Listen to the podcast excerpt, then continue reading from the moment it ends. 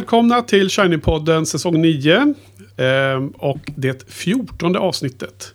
Och här pratar vi om eh, Hitchcock och hans sista tredjedel av hans filmografi. Och idag har vi kommit fram till den näst sista filmen i denna säsong. Och därmed också den näst sista filmen av, som eh, Alfred Hitchcock regisserade. Och det är en film från 1972. Inspelad i London. Eh, och den heter Frenzy. Så ehm, det ska bli jättespännande att prata med er om denna film här idag. Ehm, därför det här är också en film som jag själv har sett om. Såg den ehm, för tre och ett halvt år sedan ungefär. Hösten 2017. I samband med att jag tittade på ett antal filmer från 1972 så kom det här med i den rundan. Och eh, för att blicka framåt lite så har vi då en vecka kvar med den allra sista filmen av Alfred Hitchcock. Och sen har vi då ett avslutningsavsnitt. Där vi ska latcha lite, ha, ha lite roliga spaningar på poddningen i, eh, under den här säsongen och kanske över hela alla tre Hitchcock-säsongerna. Och sen ska vi då bjuda på en ackumulerad topplista av våra favoritfilmer från den gode Alfred. Så det ska bli skoj och spännande. Och hoppas jag att lyssnarna också tycker. Men idag så ska vi alltså eh, ta oss an denna film, Frenzy.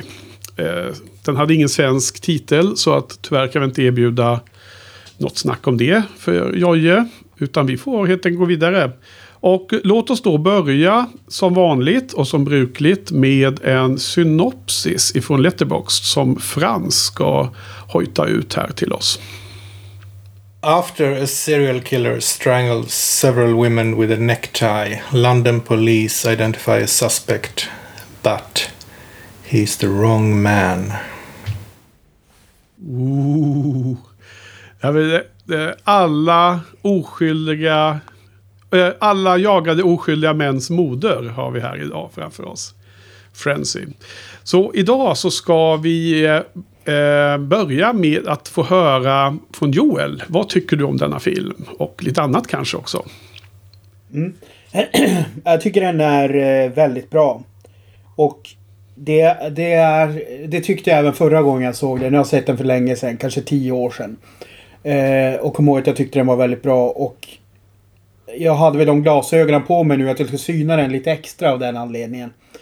Men den, den håller väldigt fint faktiskt.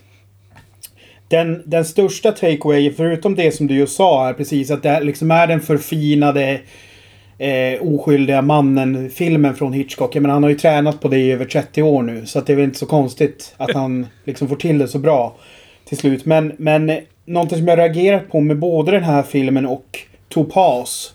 Som vi såg eh, förra, förra veckan. Så är det otroligt intressant casting tycker jag. Alltså det är han har nästan medvetet valt att gå ifrån de här stjärn, stjärnblockbuster-aktiga typerna av filmer till de här väldigt diskbänksrealistiska filmerna med skådespelare som eh, som man knappt känner igen och i den här filmen så är väldigt många av dem oattraktiva. Alltså de är liksom inte de naturligt eh, vackra personerna som skådespelare oftast är. Mm. Eh, jag reagerade väldigt starkt på det. Att jag tyckte att det fanns liksom en realismkänsla i det som var eh, väldigt intressant. Um, vi kan ju gå in på det sen när vi pratar mer i detalj om skådespel. Visst, eh, ja, det är mycket 70-talskänsla i filmen, det är det inte Den här realistiska känslan. Ja, det är det. Alltså, hu alltså huvud, huvudrollskaraktären tycker jag ju bara ser ut som typ John Holmes. Alltså porr, porrlegenden. Eh, fast han är typ två, två decimeter kortare. På, på sin riktiga längd. På vilket mått då? Ja, alltså på höjden, inte, inte, inte mellan skrevet. Men jag tycker han ser extremt mycket ut som de få klipp jag sett på John ja. Holmes. Joel, få, eh. få klipp i. Ja. precis, precis. Nej men, och så sen utöver det så tycker jag att den är fruktansvärt brutal. Ja. Alltså den är verkligen på ett sätt som... Jag vet att vi pratade om att Marnie hade en sån otroligt laddad våldtäktsscen. Då kan man ju fråga sig vad, vad, vad vi får i den här filmen. Ja. Den är, den är ju... Den är ju ganska mycket explicit där. och... Um, jag gillar, jag gillar hur, hur uppbyggnaden av filmen av att man inte bara följer huvudkaraktären utan under ganska långa sjok så övergår det till helt andra karaktärer. Vilket också känns väldigt fräscht. Alltså nästan lite så här... Eh, shortcuts-aktigt. Mm. Om ni förstår vad jag menar. Att man släpper huvudkaraktären och så låter man någon annan vara i fokus i 10-15 minuter i ett väldigt sammanhängande skeende. Mm. Så det ställer sina krav på tittaren. Men jag tycker det är fantastiskt. Jag är väldigt imponerad faktiskt. Ja. Ja. ehm. Okej, så d- väldigt positiva ord från dig. Och eh, det var din sammanfattning. Eh, vi går vidare. Yes.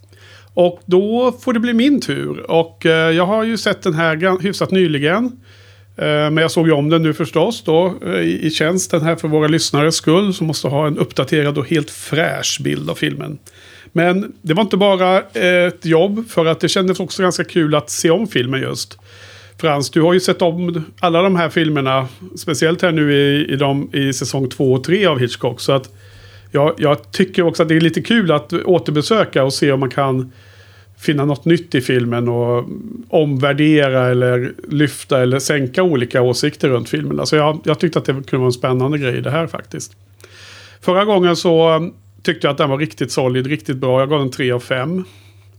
Och eh, den här gången så, jag tycker fortfarande att filmen är väldigt bra gjord och den är, den är väldigt bra på det den vill vara. Och lite inne på det du säger Joel, men ja, i dagsläget så, så tycker jag att det här våldsinnehållet är bara... Eh, det är liksom too much tycker jag. Det är lite för up in your face. Och i det här fallet bokstavligen med det, med det uttrycket som man brukar slänga sig med. Jag tycker att de här scenerna där Hitchcock ska visa i närbild både själva våldtäkter och eh, mord men också eh, efter morden och så känns eh, Di Palma eh, spekulativt. Förstår du vad jag menar Joel? Känner, känner du Ja, till vem jo, han men är? det- det- för- Kanske. Ja, jag, jag har hört namnet någon gång förbifarten. Nej, men... Jag, jag vet inte. Ja, men kanske lite, men samtidigt så... mm, Eh, jag, na, jag vet inte. Jag är lite kluven. Ah, säga. Vi Alltså, jag, jag förstår din tankegång, men jag håller nog inte Nej, men det är bra. Vi, vi, vi får ta en battle senare här under snacket. Ja. Så att, så att vad jag då... Jag, jag kände att jag var lite för... Jag kände mig för känslig och lite för fragil för att uppskatta vissa scener i filmen där Hitchcock gick all in för att det skulle vara så brutalt och realistiskt som möjligt. Och jag tycker att det blir för mycket, det blir för eh, påtagligt och för o... Eh, det, det, är för, det är för lite finess. Alltså jag, jag tycker att det finns andra filmer, modernare filmer, som då självklart har fördelen att vara modernare. Och då man har utvecklat alla de här eh, tekniker runt att göra sådana här scener. Och jag tycker att det finns filmer som är mycket hemskare nu för tiden än det här. Men jag tycker att det är liksom lite dålig stil av honom att visa scenerna på det sättet han gör. Så jag, jag vände mig mot filmen i den aspekten. Men för att uppnå balans i min sammanfattning så vill jag också säga någonting som jag har lyfts mycket i den här titeln Joel. Och inte bara det negativa. Och det är att jag tycker att det är en ganska eh, intressant och eh, eh, aspekt av filmen så jag tycker verkligen vi kanske förhoppningsvis kan få till en bra diskussion runt hur han tänkte det. Hitchcock. Och en, en grej som jag tror att jag inte alls tänkte på under första titeln. Och det är ju det att den här oskyldiga mannen som heter Dick, som vi följer, Blaney. Han är ett jävla asshole. Vilket jävla, vilken, vilken, vilken extremt eh, otrevlig personlighet. Han är superarg hela tiden och han är ofantligt otacksam mot dem som hjälper honom. Och han, hela tiden så skyller han ifrån sig. Och det är, det är liksom, eh, ja det är statens fel, det är regeringens fel, det är liksom, det, jag har aldrig fått någon chans. Så här. Jävla asshole. Och, men han är oskyldig och också blir oskyldigt dömd och är liksom the good guy. Medan mördaren som är då ett eh, perverst, eh, psykopatiskt mördare och våldtäktsman är liksom den... Eh, eh, kanske då passar in på en psykopat förvisso, men är den som i övriga scener är liksom den mer trevliga och chovalisk och han är åtminstone lite festlig i någon mening. Medan den oskyldiga huvudpersonen är bara ett stort asshole. Så jag tyckte att den eh, leken med att helt växla om eh, den onda och den goda i de här perspektiven. Hur, hur de framkommer på, på filmen kontra vad, vad deras karaktärer gör och, eller inte har gjort i, i fråga om brottsregister. Är, är en ganska kul liten aspekt. Så att eh, jag håller den här filmen ganska högt i eh, tekniska värden. Men eh, i den här titeln så kände jag mig lite äcklad av det som Hitchcock försökte söka då med de här, eh, de här scenerna. Och den här första mordscenen, eh, första gången man får se då när, när eh, Mr Rusk, heter han va? Rusk, Rusk, mördar eh, Dicks exfru. Ah, jag, jag var tvungen att spola mig igenom den scenen till och med. Och jag menar, den är så jävla lång också. Det är ungefär tio minuter. Det är en ganska lång, lång parti i en film. Om man tänker tillbaks. Så att, eh, nej, ja, det, var, det, det lirade inte med mig just den här titeln. Och det, det, så kan det bli ibland. Men, men jag ser samtidigt intellektuellt att visst, filmen har eh, kvaliteter. Så mm, du då Frans, vad tycker du om den här filmen efter eh, dagens omtitt? Ja, vi pratade väl för några avsnitt sen om det här med hur man hur, hur man hur hjärnan tänker på filmer i tiden. Och det här är väl den första filmen som i alla fall för mig kom under eh, under, under ens eh, medvetna liv så att säga. Jag tror Topaz kom precis efter att jag föddes. Men den här liksom kom när man var några år gammal. Så att på något sätt så är det här en, en ny film då. Medan alla tidigare filmer har varit gamla filmer. Och det är ju Ja, oändligt, som, som, jag tror, som jag tror vi diskuterade då, så är det oändligt långt mellan, mellan de här två tiderna. För att, absolut. Oavsett hur kort det är så är det oändligt långt. precis. precis. så, att, så att det är ju intressant. Och sen så var det ju, måste jag säga, efter att ha suttit i eh, karantäner i nästan ett och ett halvt år nu så var det underbart att se London igen. Ja, Första halvan av filmen är ju nästan som eh, cykeltjuvar va? med den här otroliga kringvandringen i London där. ja, ja. ja. Här, härligt. Eh, ehm, vad var det mer jag tänkte säga? Jo, jag, jag, skulle, jag hade nog tänkt säga nästan ordagrant som du sa Henrik om de här våldsscenerna. Jag tycker jag blev också ganska äcklad. De är så extremt eh, nakna och liksom man ser blå, blå, blåa tonen i, i den döda huden, huden på de döda kropparna. han Rumlar omkring i potatislastbilen där och letar efter sin slipsnål. Det är väldigt intensivt. Men att, precis som du sa så kan man också inse att i och med att man känner så så är det ju väldigt bra gjort.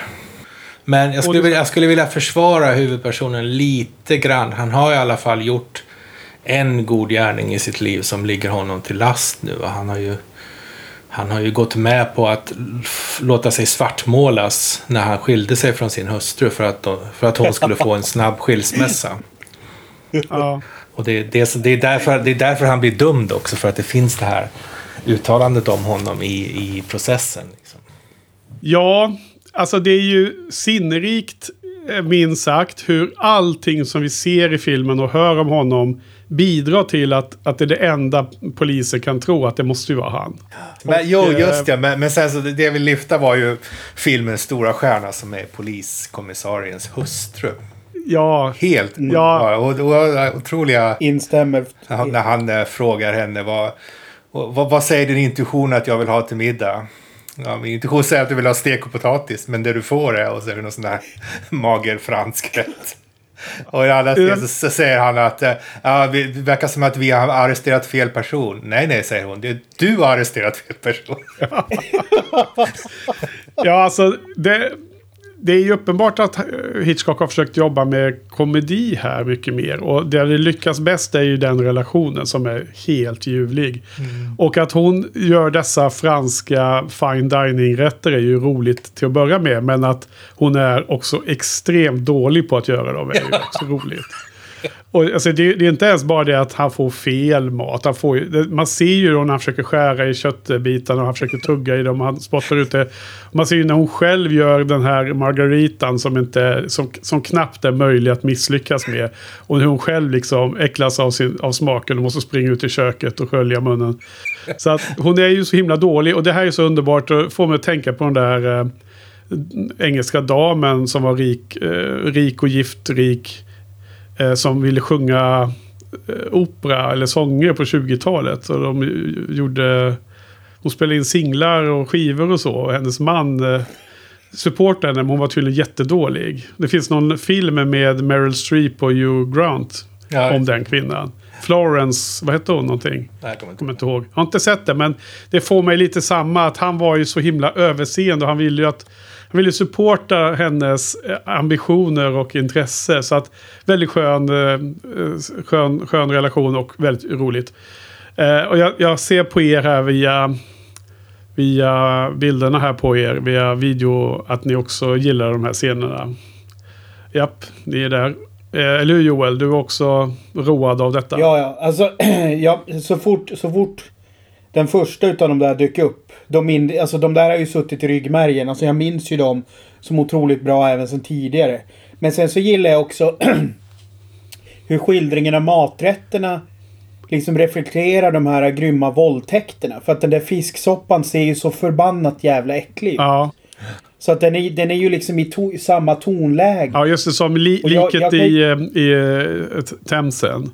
Liksom lite det här eh, smutsiga vattnet och... Ja, ja. Nej, men alltså det, jag tycker bara att det, det är i synk Ja. liksom. Även fast det, tonläget är helt olika i hur de spelar scenerna. Mm. Så är det ju fortfarande konsekvent att man utmanas. Och, och det här, det faktum att ni båda eh, berörs så starkt är ju ett jätte... Eller ja, jag också såklart. Men, men att, att ni liksom tar nästan ställning att han, att han går för långt här. Det säger ju någonting om hur hur starkt han har tagit det. Liksom. Och jag, jag kan ju känna så här att har ni, har ni sett filmer utav han österrikaren Michael Haneke? Nej, ja, inte mycket. Jag känner inte igen. Eh, han, han har gjort en fantastisk film som heter Funny Games. De- Den, ehm, jag har inte sett eh, den amerikanska remaken men jag har ju sett den ehm, österrikiska originalfilmen och den är ju fantastisk. Det är nog så här om jag skulle tvingas liksom ranka fem filmupplevelser så är ju den en, en utav de topp fem liksom. Vad var det i filmupplevelsen som var så bra? Alltså det är egentligen lite grann som med Le Diabolique.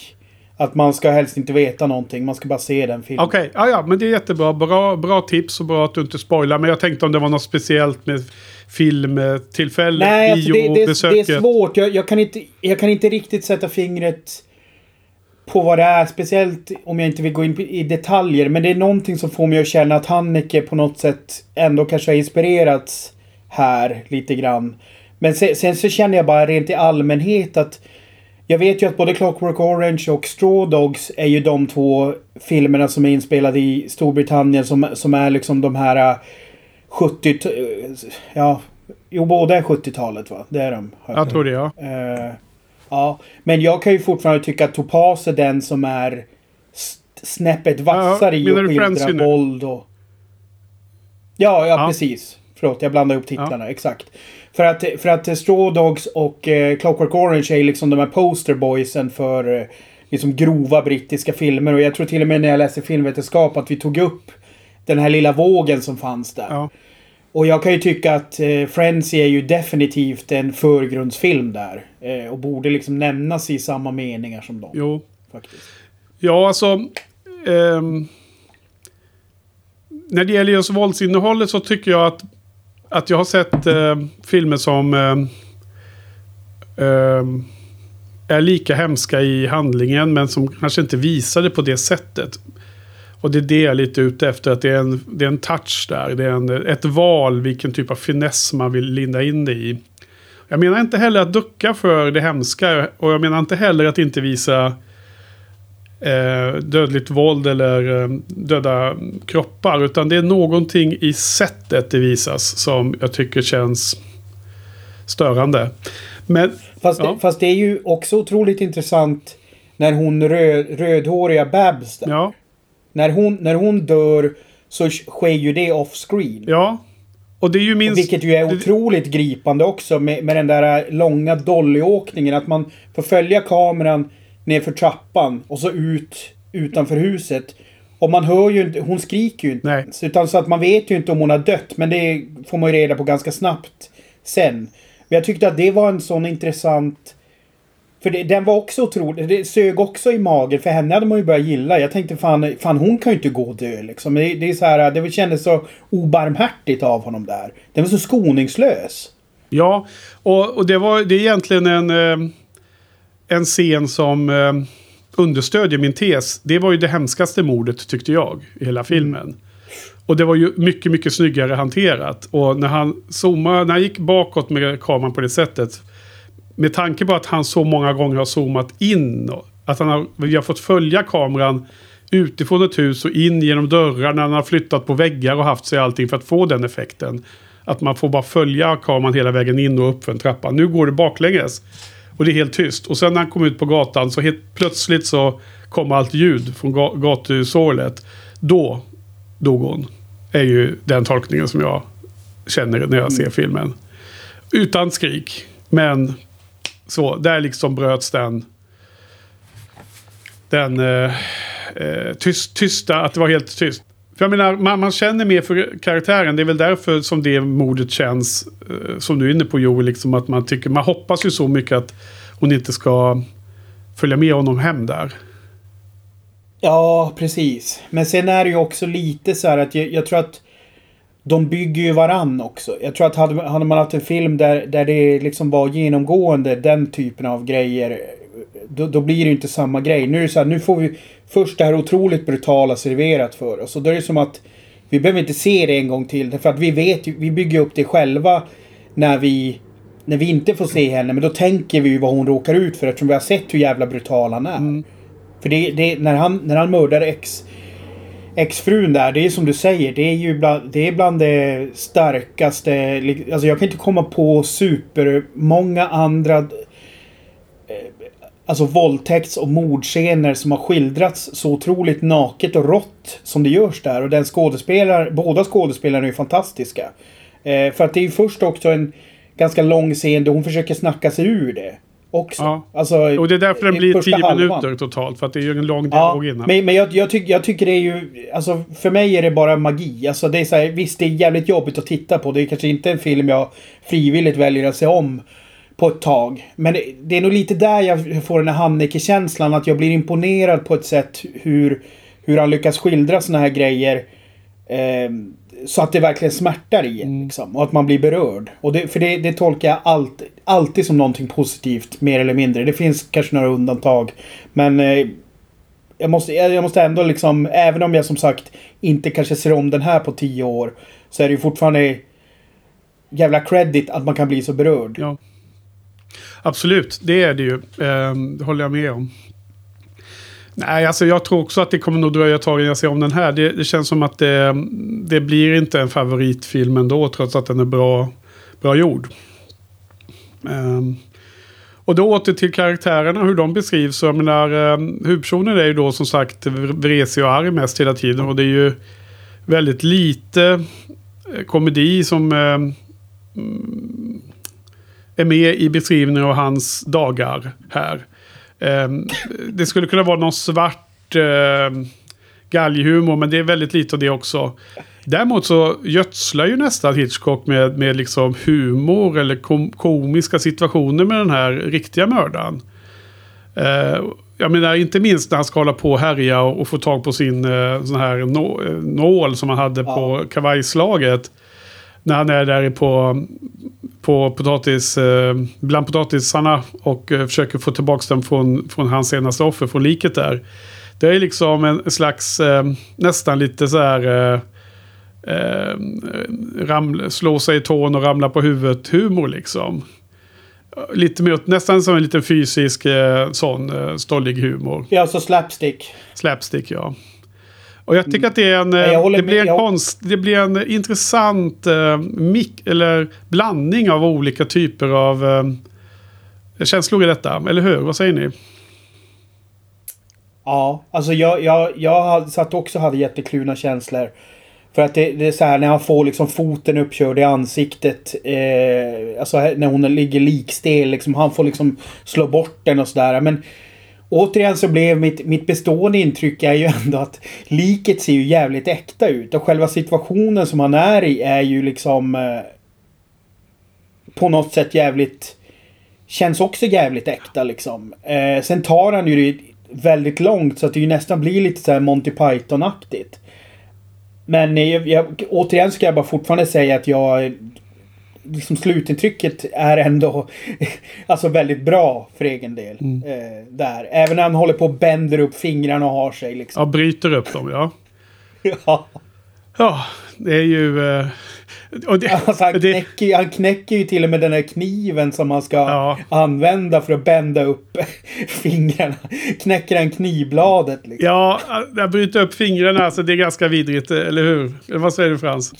Jag tycker vi är dags att byta samtalsämne Ja. snart. Och vi kan byta till något roligt och det är ju att det finns ju en eh, systerscen nämligen mellan polismannen och hans fru när eh, som sker precis efter det har hänt tror jag. Det känns som att det var ganska nära efter och då Precis vid något rätt läge när han säger något och så står hon ju och bryter de här trä, de här brödpinnarna. Det låter ju precis likadant och jag är helt säker på att det är gjort som en spegling av det. För hon står ju där och han, han suckar om att han vill ha vanligt bröd och sånt. Kommer ni ihåg scenen?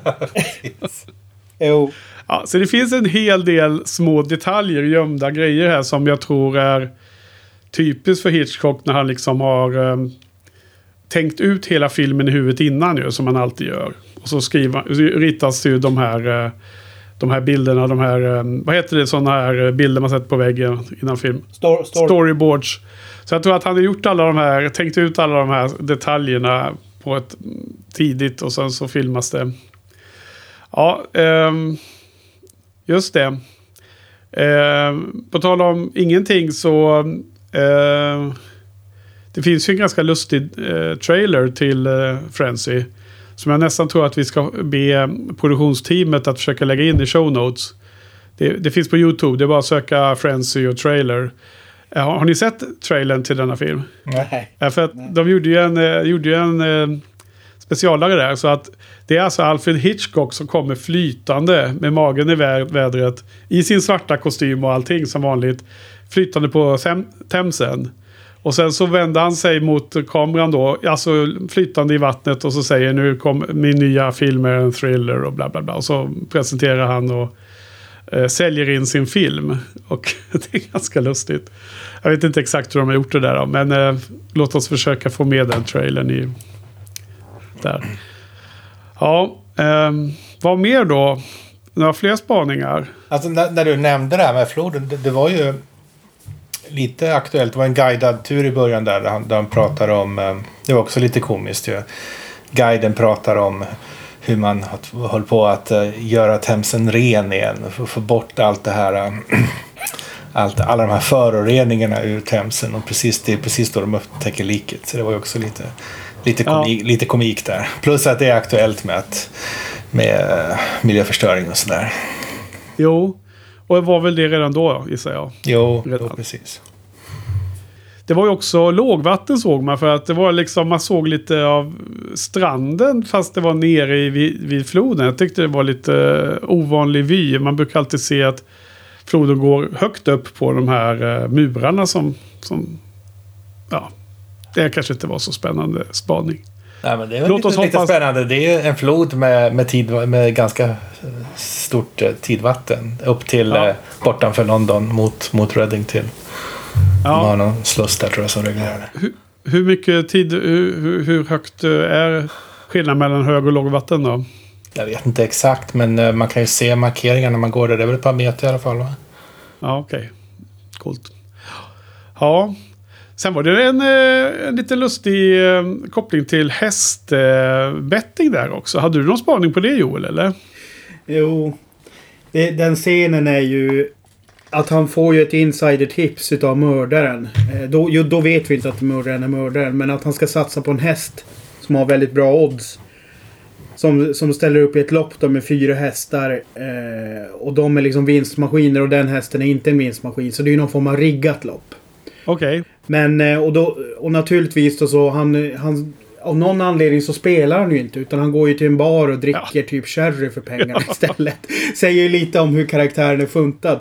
Men naturligtvis så, så frågar ju då mördaren sen hur det gick, hur mycket han vann.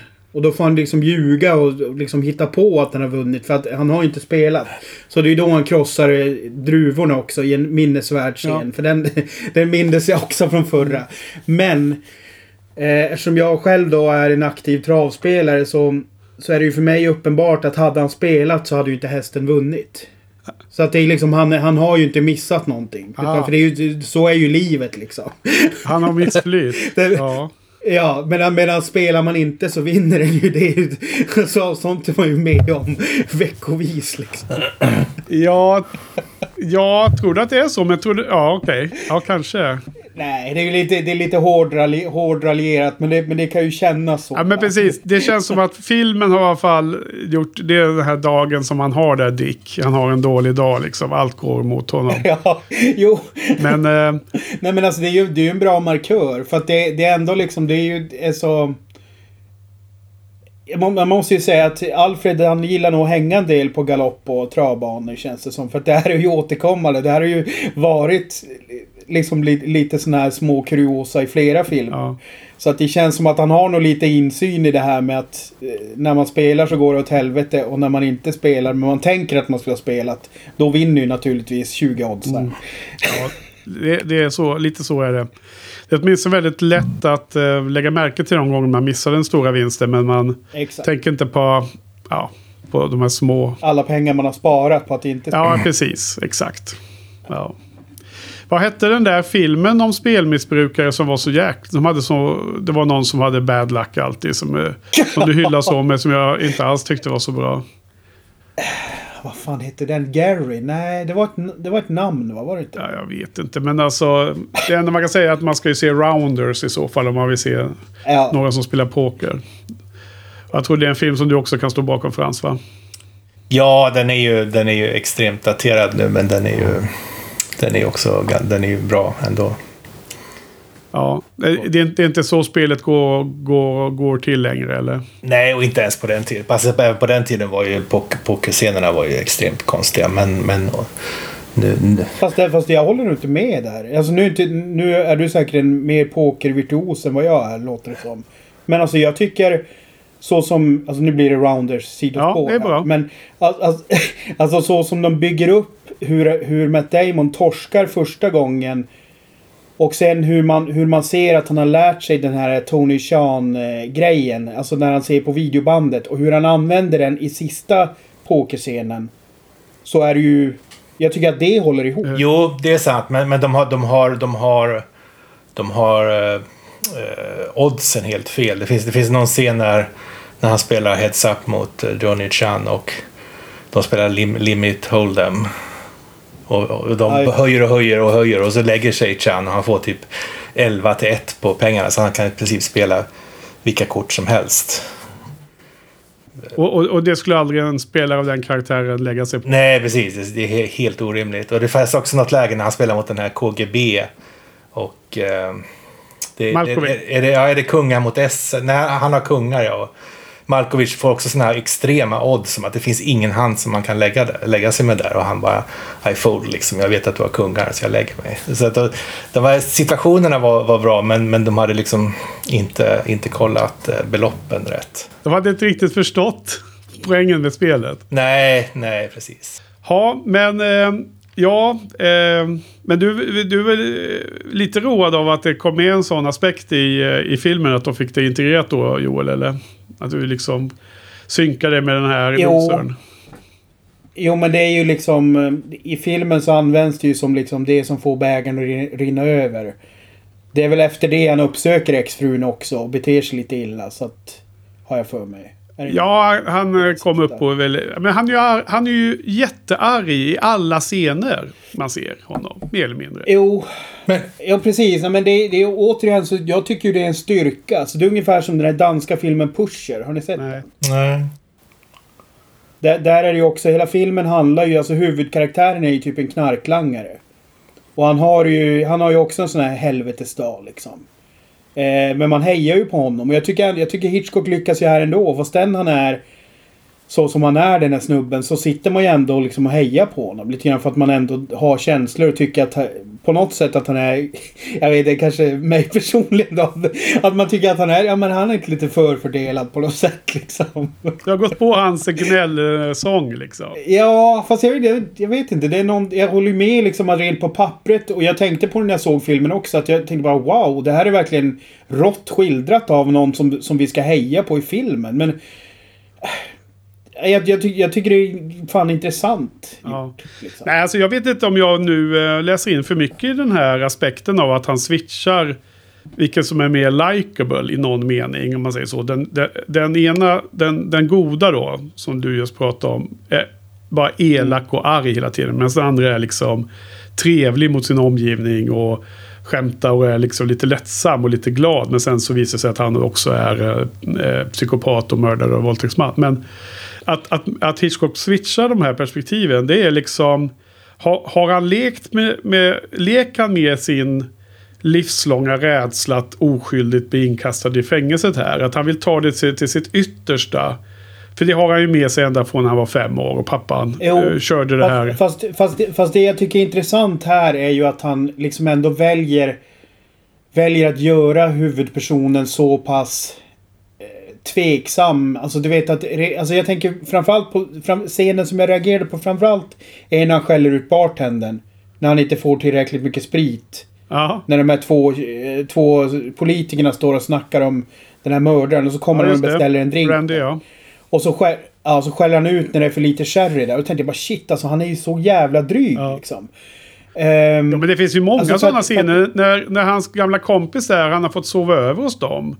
Och sen har, så har kompisen en, en fru som är jättearg hela tiden. Men, men, och sen så beslutas det att han ska lämna dem. Det var väl fine. Det fanns ju orsaker till det. Men då börjar han ju skälla ut sin kompis och allihopa där. Jo, fast, fast ändå.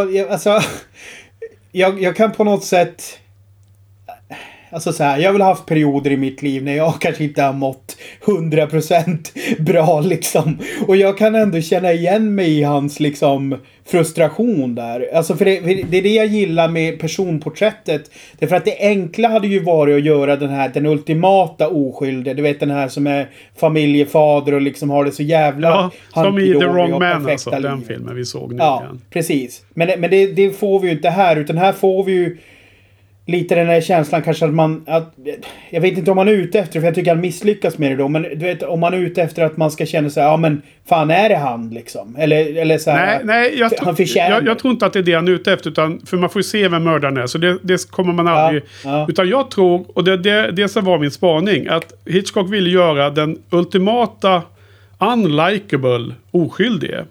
Och utmana åskådaren med att säga att det här är en person som det inte är så lätt att tycka om. Men han är ändå oskyldig.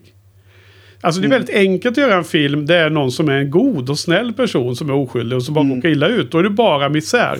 Här blir det ju faktiskt en komplex känsla att den man inte gillar, han är oskyldig och den som man eventuellt då skulle kunna tycka hade liksom ett, ett trevligt sätt åtminstone där bland hans kollegor och där han jobbar och så. På något sätt då. då att, att Hitchcock försöker leka med den tanken att den som verkar vara trevlig är egentligen bakom kulisserna det stora monstret. Så jag tycker att det finns en spännande tanke i detta liksom. Jo, men för att jag tycker ändå den här scenen där när han dricker gin där i början, han får sparken från baren ja. där. Alltså då är ju arbetsgivaren är ju ett riktigt jävla asshole. Ja, också. också ja. ja. Så att, så att jag menar det... Men det är ändå, alltså, det är det är ändå han... Storbritannien vi pratar om. Så det, det, det, det är enligt oddsen va? Eller vad säger du Frans? Alla, alla är, är, vad var det Nick sa? Säg ordet igen. Jag vill inte ta det i mitt mun. Min mun. Nej men jag menar grejen att det, han är ju inte liksom... Det är ju inte he, alltså allting är ju inte helt oprovocerat. Nej. Alltså det känns ju lite som en sån här... Eh, Ja, alltså jag, jag, vet inte. Det kan väl vara att jag kanske känner igen mig i, i när man har haft dåliga dagar liksom. Hur, hur det kan gå, typ. Ja, men, men det är klart att... All, ja, alltså. ta, ta den ultimata filmen med den här Falling Down då. Hur, hur känner ni för Michael Douglas där? Man kan väl ändå ha... Jag menar, han, han är väldigt bitter i den här filmen. Och så, men jag tycker på samma sätt som man kan ha empati för Michael Douglas så kan man ha empati för den här personen även om man tycker att han Inte. Ja, alltså om jag ska vara helt ärlig så har jag nog mer empati för den här snubben än vad jag har för Defense i Falling Down. Alltså som eh, Michael Douglas spelar där. Vad hette han? Defense? Hette han det? Ja. Eller han, det är ju något så här internetnamn eller någonting Okej. han använder. Det är, karaktärsnamnet är D och så sen st- bindestreck. Okej. Alltså det var så himla länge sedan jag såg den filmen. Men, men mitt minne är ju att den är jättebra. Att jag hade stor sympati för huvudpersonen och hans... Eh, det, det byggde ju på att han var ju... Han, han blev ju orätt behandlad av sitt ex och access till barnet och så som jag, som jag ömmade för ganska mycket. I, med defense. Jo fast jag har för mig att filmen, i filmen framgår ju att han har ju väldiga problem. Att det, att det inte riktigt är så enkelt. Nej, men det var, det var så eh, jag kommer ihåg mina känslor runt det. Du frågade om vad, Ja. vilken man hade mest empati för. För att jag, jag, jag såg om den för något år sedan Mm. faktiskt. Eh, just av den, att jag hade samma känsla som... Eh, som du där, att, det- att det är en väldigt bra film. Men den hade ju tyvärr inte åldrats jättebra. Okej. Eh, Vad fasen, är Det- det, det var- Joel Schumacher eller vem har gjort den rackaren? ja, det är Ja. det. Okej. Alltså det finns ju en fantastisk scen som fortfarande är världsklass. Det är ju det där när han... När han blir... eh, När han går, han går ut eh, från den här... Um, överskottslagret när han har dräpt den här um, nazisten där. Ehm, och så sen så ser han typ en svart kille demonstrera utanför en bank. Som är, han är klädd precis som honom. Han har samma frisyr och så står han med en skylt så här Not economic viable. Och så han ju, kör han ju sitt speech där om hur banken liksom har... Ja, hur han inte var värd någonting för banken längre när han inte hade ett jobb typ. Och så kommer ju polisen och hämtar honom. Och så står ju Michael Douglas och kollar på honom. Och den scenen är ju fantastisk. Okej. Alltså det är ju verkligen en 10 plus eh, scen liksom. Wow. Eh, Jag kommer inte riktigt ihåg. Nej, jag kommer ihåg att han var inne på Den någon, eh, finns på någon kiosk YouTube. som någon korean ägde och så kommer jag ihåg. Jo. Ja. Ha, ehm, nej men alltså empati för huvudpersonen absolut kan det finnas. Eh, s- Alltså jag... Hade det varit en, en verkligare person för mig så hade jag nog känt det mer. Nu, nu känner jag att det är ett... eh, Hitchcock har lagt ett pussel där polisen ska tycka att allting de lär sig om den här Dick eh, tyder på att han är mördaren. Medan allting är eh, är lätt och ibland inte lätt att förklara. Han skohornar in ett antal förklaringsmodeller för att vi ska få se hur en oskyldig person genom liksom indicier kan bli felaktigt framad. Och jag, för mig så försvinner kanske den verkliga personen bakom detta pussel och den här empatin kanske eh, fallerar att nå ända fram till en riktig människa. Jag, jag, jag spekulerar bara i varför jag inte eh, kanske eh, känner av samma nivå av empati som ni beskriver här nu då för den huvudpersonen. Men, men, eh, men det, det är... eh, Jag tycker i alla fall att det är en väldigt lockande idé det här med att eh, inte göra den goda personen charmig och den onda personen elak. Jag menar det har man ju sett på en och annan film. Ja, alltså, alltså för, för mig... För mig blir det... För mig blir nog det, det främ, den främsta känslan är att det känns ju...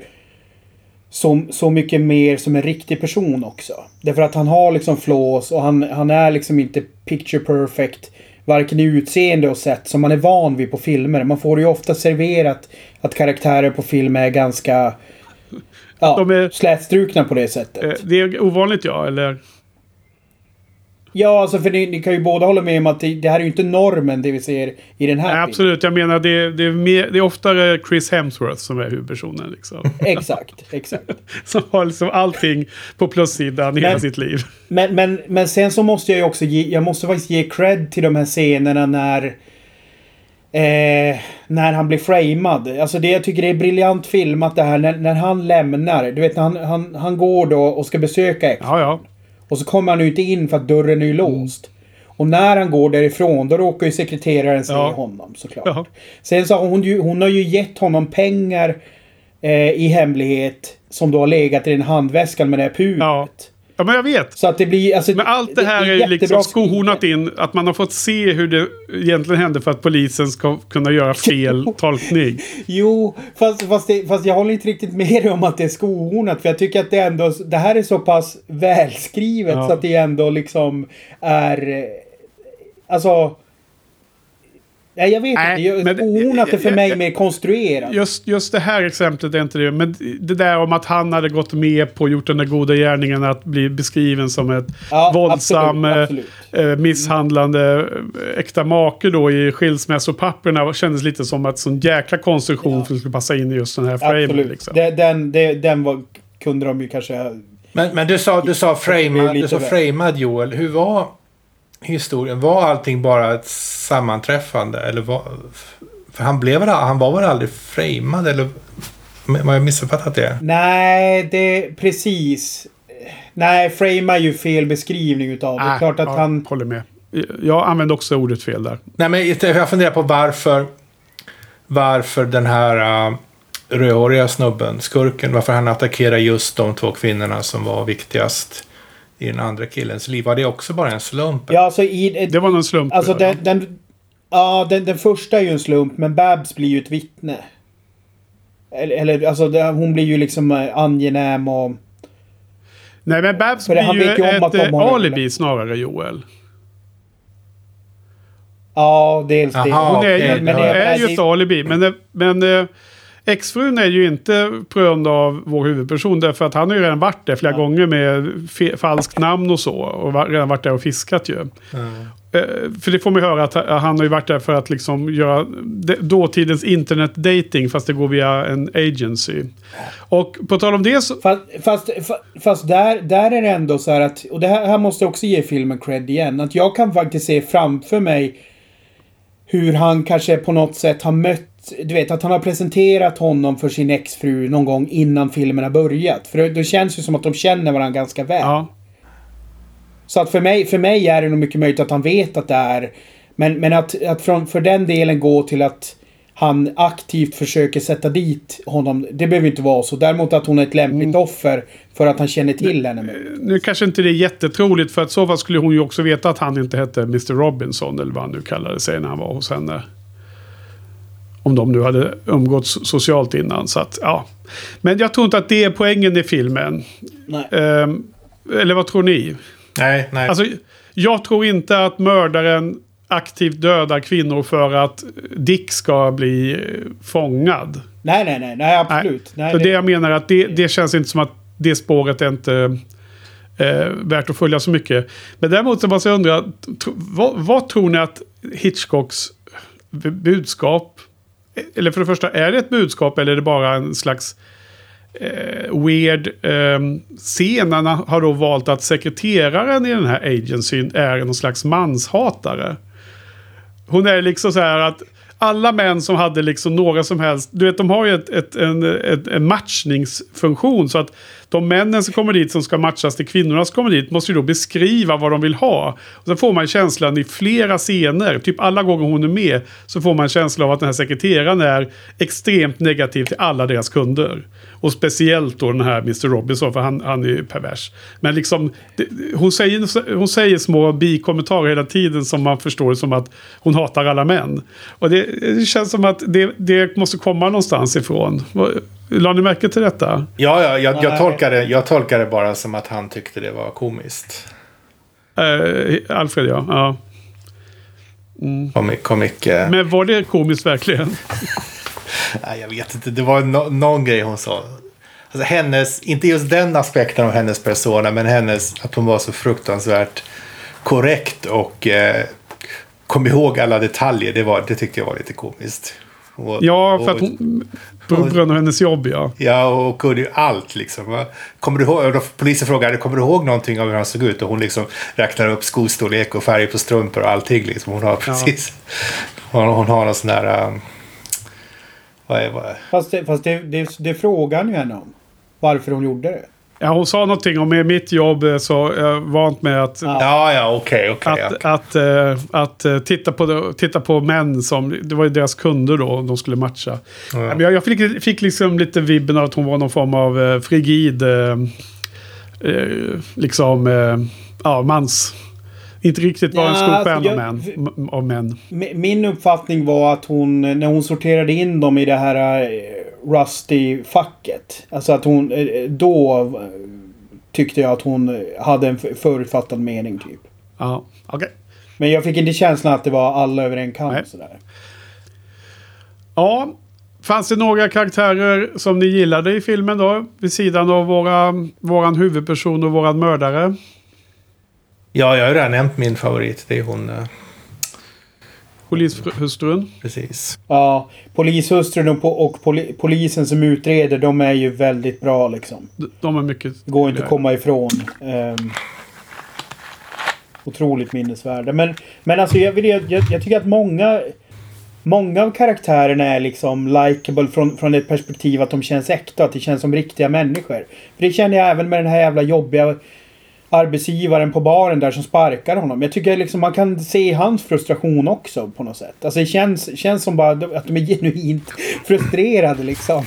Över livet liksom. Det är så här, det, det är fan ingen räkmacka liksom. Jag, jag har en kompis från, en från Sverige som åkte till London när han var ung och jobbade på bar. Och en av de första kvällarna så kom det in ett stort sällskap och eh, beställde in massa öl och mat och sådär.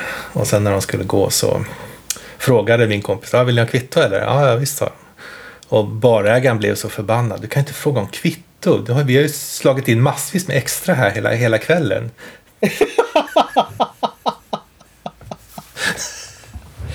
så...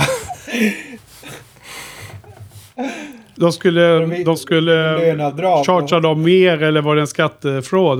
Jag förstod inte. Nej, de hade slagit in massa extra. De tänkte att det här sällskapet med, som har druckit massa öl, de har ingen koll, ingen koll på vad de har köpt. Men om de får ett kvitto där det står, då ser de ju alla, alla pommes frites och alla öl och allt som de har lagt till extra liksom.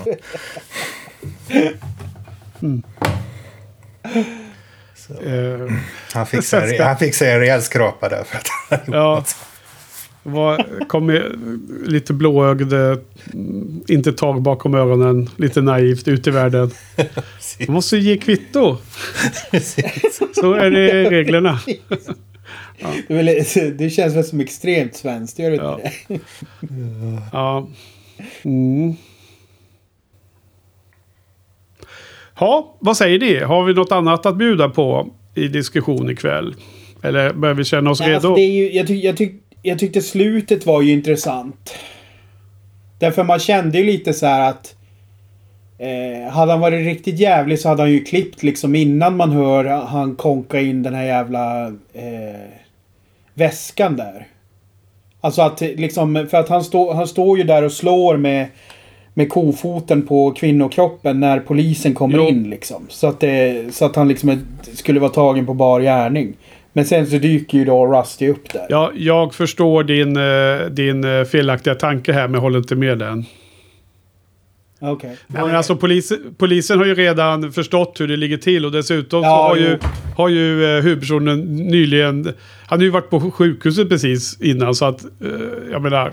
Det, det kan de ju säkert... Det, det skulle ju inte vara någon risk att man skulle tro att det var han som har gjort det mordet liksom.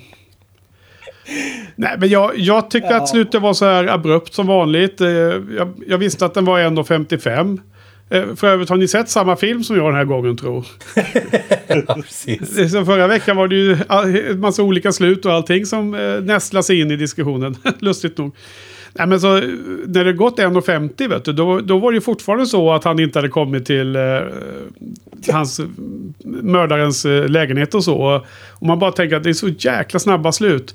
Eh, personligen så tyckte jag att det blev liksom lite en, en runda för mycket med att han skulle komma in och börja eh, ska göra hem det. Utan jag, jag tycker det har varit bättre att polisen har fått fullfölja sin lista ut det Ja, där och, och bara liksom ta honom. Och sen hade det blivit en, en, en kunnat bli en bra scen när, när polisen fick komma och och eh, att han skulle, Dick då skulle bli frigiven. Att det är också en spännande scen. En, liksom en, en scen som för övrigt finns med i The Wrong Man. Att det finns någon slags sekvens där det uppdagas att han helt oskyldig har blivit dömd till 25 år plus. Och jag, jag, jag hade helt glömt av slutet så det var inte det man kom ihåg från den här filmen. Jag kommer ihåg de här scenerna vi har pratat en hel del om. Men jag kommer inte ens ihåg hur det skulle sluta även om jag... Alltså jag, jag visste ju vem mördaren var och de grejerna. Det kommer jag ihåg men inte liksom hur det föll ut. Och jag, jag, jag tycker att det blir lite så här eh, rumphugget som det ibland känns som. Jag menar lite som du, som vi pratar ganska mycket om i The Birds. Liksom det, det är jättespännande och så är det liksom spännande och sen är det två minuter kvar. Ja, då var det slut bara. De åker iväg i en bil över en gård och sen var det ingen mer liksom. Alltså, två, två grejer om slutet. Dels är det väldigt likt eh, Slå nollan till polisen, va? Just det. Exakt. Polisen, polisen kommer fram kommer till den här äkta mannen där och Ja. liksom säger att var tyst nu ska vi sätta dit den, den andra killen. Det är precis nästan identisk scen när han hyschar, hyschar Ja. honom där. Ja. Och sen det andra, jag tycker slutet är väldigt kul. Han säger Mr. Rusk You're not wearing your tie. Och sen så Mm. bryts det. Jo, det kanske är festligt. jo, lite festligt är det väl va? Jo. Det var också lustigt att eh, i den här miljön, och jag får en känsla av att de flesta morden skedde i eh, en omkrets runt mördarens eh, bostad och arbetsplats. Så att det, polisen kunde ha gjort ett lite bättre jobb. Och det var liksom den enda jäveln av alla vi såg va, som hade slips. Nej, men, men de var ju alltså... Första mordet skedde ju borta vid, vid Paddington. Så var ganska långt ifrån andra. Man hittar liket där i alla fall. Nej, men de var ju på hotellet där va? Eller ha, okej, nej, kanske, det kanske var där. Vilket mord? Hotell? Nej, nej, förlåt, jag tänkte fel. Det var ju, de Ja. hade sin... eh, Nej, nej, han hade sin tätt där borta med eh, den, Bab, Babsan. Ja, jag tänkte, Ja. Helt, jag tänkte helt fel, förlåt. Just det. Såg ni det när hon vaknade där på natten och skulle gå, gå på toaletten och ville inte frysa om fötterna så drog hon på sig strumpor. Såg ni det? Nej, tänkte inte på det. Nej men hon drog inte upp strumporna. De, de var ju liksom helt korviga och liksom stack ut eh, flera centimeter framför tårna. Det var, väldigt, det var väldigt orimligt. Finns det någon som tar på sig sådana strumpor, vanliga ankelstrumpor och inte drar upp dem ens så de kommer ända upp liksom? Eller kommer täcker foten liksom? Ja, hon gjorde det i alla fall. Det, det kändes som att det var någonting som knappast ens regisseras och det såg väldigt eh, udda ut. Ja. så alltså sen... sen eh, måste fan ge lite cred till den skådisen också som spelade Babs. För att det var verkligen, för mig var det verkligen så här... Eh, när jag insåg fan hon kommer ju dö liksom. Alltså det, jag blev verkligen jätte... För det mindes jag inte alls. Eh, från förra gången jag hade sett den. Och jag kände ju så här att ja men det här är ju the leading lady liksom. Hon har, hon har ju liksom blivit, blivit det i filmen. Och så sen blev hon avdödad också. På det där brutala jävla off-screen sättet. Ja. Tyckte det var... Alltså, bra uppbyggnad av karaktären så att man skulle börja gilla henne. Och så sen bara bryskt ta bort henne på det Mm. sättet. Ja. ja, det var hårt. Ja, okej. Men då så... Då ska vi ta en runda med betyg. Eh, ska vi ta samma ordning som vi körde våra inledning? Vad säger du Joel? Yes, det blir ju en väldigt, väldigt stark fyra. Ja, nice.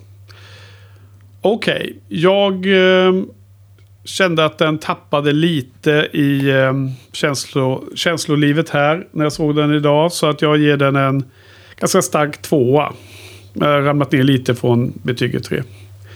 Eh, men jag ser mycket av de här, de här eh, bra sakerna som ni har lyft. Eh, Så jag förstår att det finns där.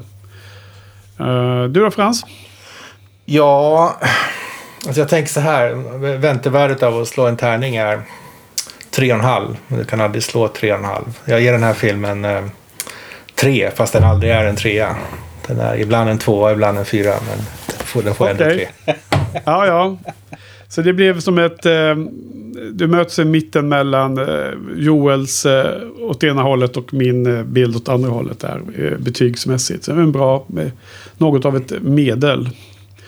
Ja, eh, men kul ändå att det är lite spridning. Och eh, då ska vi blicka framåt här. Nästa vecka hörni pojkar. Då har vi den allra sista filmen i den här säsongen och allra sista filmen som Hitchcock eh, gjorde. Den heter då Family Plot. Kom 1976. Också en film som jag då inte har sett. Så det blir jättespännande att se denna. Och eh, ska vi prata om den. Och sen veckan därefter så är det då det stora Wrap It Up-partyt. där vi ska sammanfatta hela Hitchcock-resan och alla hans, eller väldigt många av hans filmer. Wow. Så det ser vi fram emot. Hoppas jag. Eller vad säger ni? Absolut. Nej, Jo. Nej. ska bli. Jag vet att ni har fått en styv uppgift att eh, ranka filmer och sen ska jag göra en ackumulerad eh, gemensam topplista på samma format som vi gjorde i Bondpodden. När det var du och jag, Joel, och så tillsammans med Patrik. Mm. Istället för Frans. Så att eh, vi kommer ha liknande struktur på eh, sista avsnittet som vi hade för Bond. Eh, Även om Så det är perfekt. Då, då kan lyssnarna, de kan eh, se ikapp lite filmer de har missat så kan de ge sin ranking sen också i kommentarer. Absolut, det vore jättekul. Och eh, för att få en riktigt dynamisk och bra spridning och bra utfall och så, så har, jag ju, eh, har vi ju gemensamt bestämt eh, att vi ska ranka ganska många filmer. Eh, dock inte alla. Men eh, lyssnarna får komma in och ranka precis så många eller så få som de vill. Allting välkomnas och är bara kul att se. Så eh, kom in här på sista avsnittet, säger vi till alla lyssnare och skriv vilka som är era favoritfilmer. Topp 1 eller topp 3 eller topp 5 eller 10 eller vad det nu kan vara som ni har. Och för nagel, de, de som sitter här och biter på naglarna och undrar vilken film var det jag eh, funderade på förut när vi pratade om den här sångerskan med, med eh, den dåliga sångrösten. Så är det alltså filmen som kom 2016 och den heter Florence Foster Jenkins. Med Mer- Meryl Streep, Hugh Grant. Rebecca Ferguson också, lustigt nog. Och lite andra eh, eh, ja, eh, kända och mindre kända skådisar. Jag tror att den är ganska bra, men jag har inte sett den. Har du sett den Frans? Eh, ja, låter bekant. Inte helt säker. Kanske? Du och Joel? Nej. Nope. Det får bli en annan gång, en annan podd. Men då får vi tacka idag då. Så tack Frans, tack Joel. Och tack till alla lyssnarna. Och tack till Niklas för uh, vignettmusiken. Och på, så hörs vi igen nästa vecka. Hej då! Have you seen the old man in the closed down market?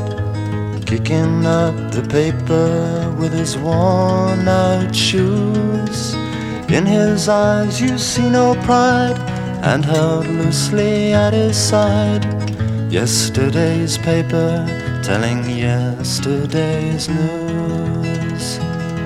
So, how can you tell me you're lonely and say for you that the sun don't shine? Let me take you by the hand and lead you through the streets of London. Show you something to make you change your mind.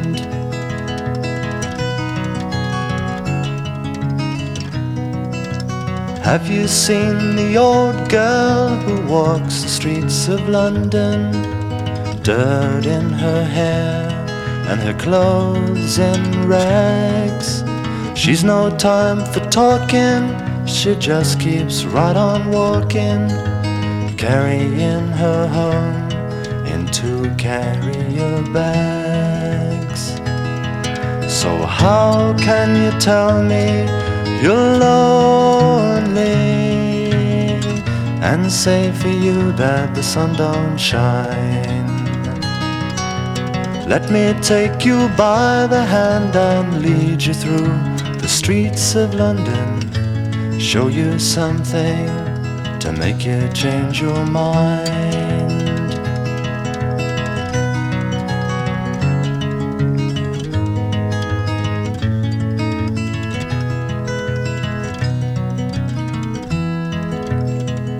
The all night cafe at a quarter past eleven. Same old man sitting there on his own, looking at the world over the rim of his teacup. Each tea lasts an hour, and he wanders home alone.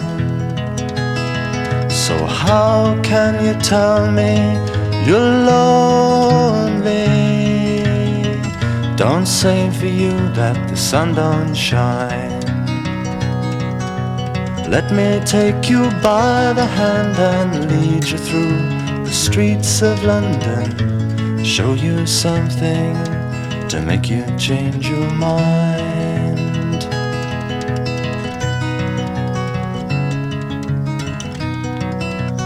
Have you seen the old man outside the seaman's mission? memory fading with the metal ribbons that he wears. In our winter city, the rain cries a little pity for one more forgotten hero and a world that doesn't care. So, how can you tell me you're lonely and say for you that the sun don't shine? Let me take you by the hand and lead you through the streets of London. Show you something to make you change your mind.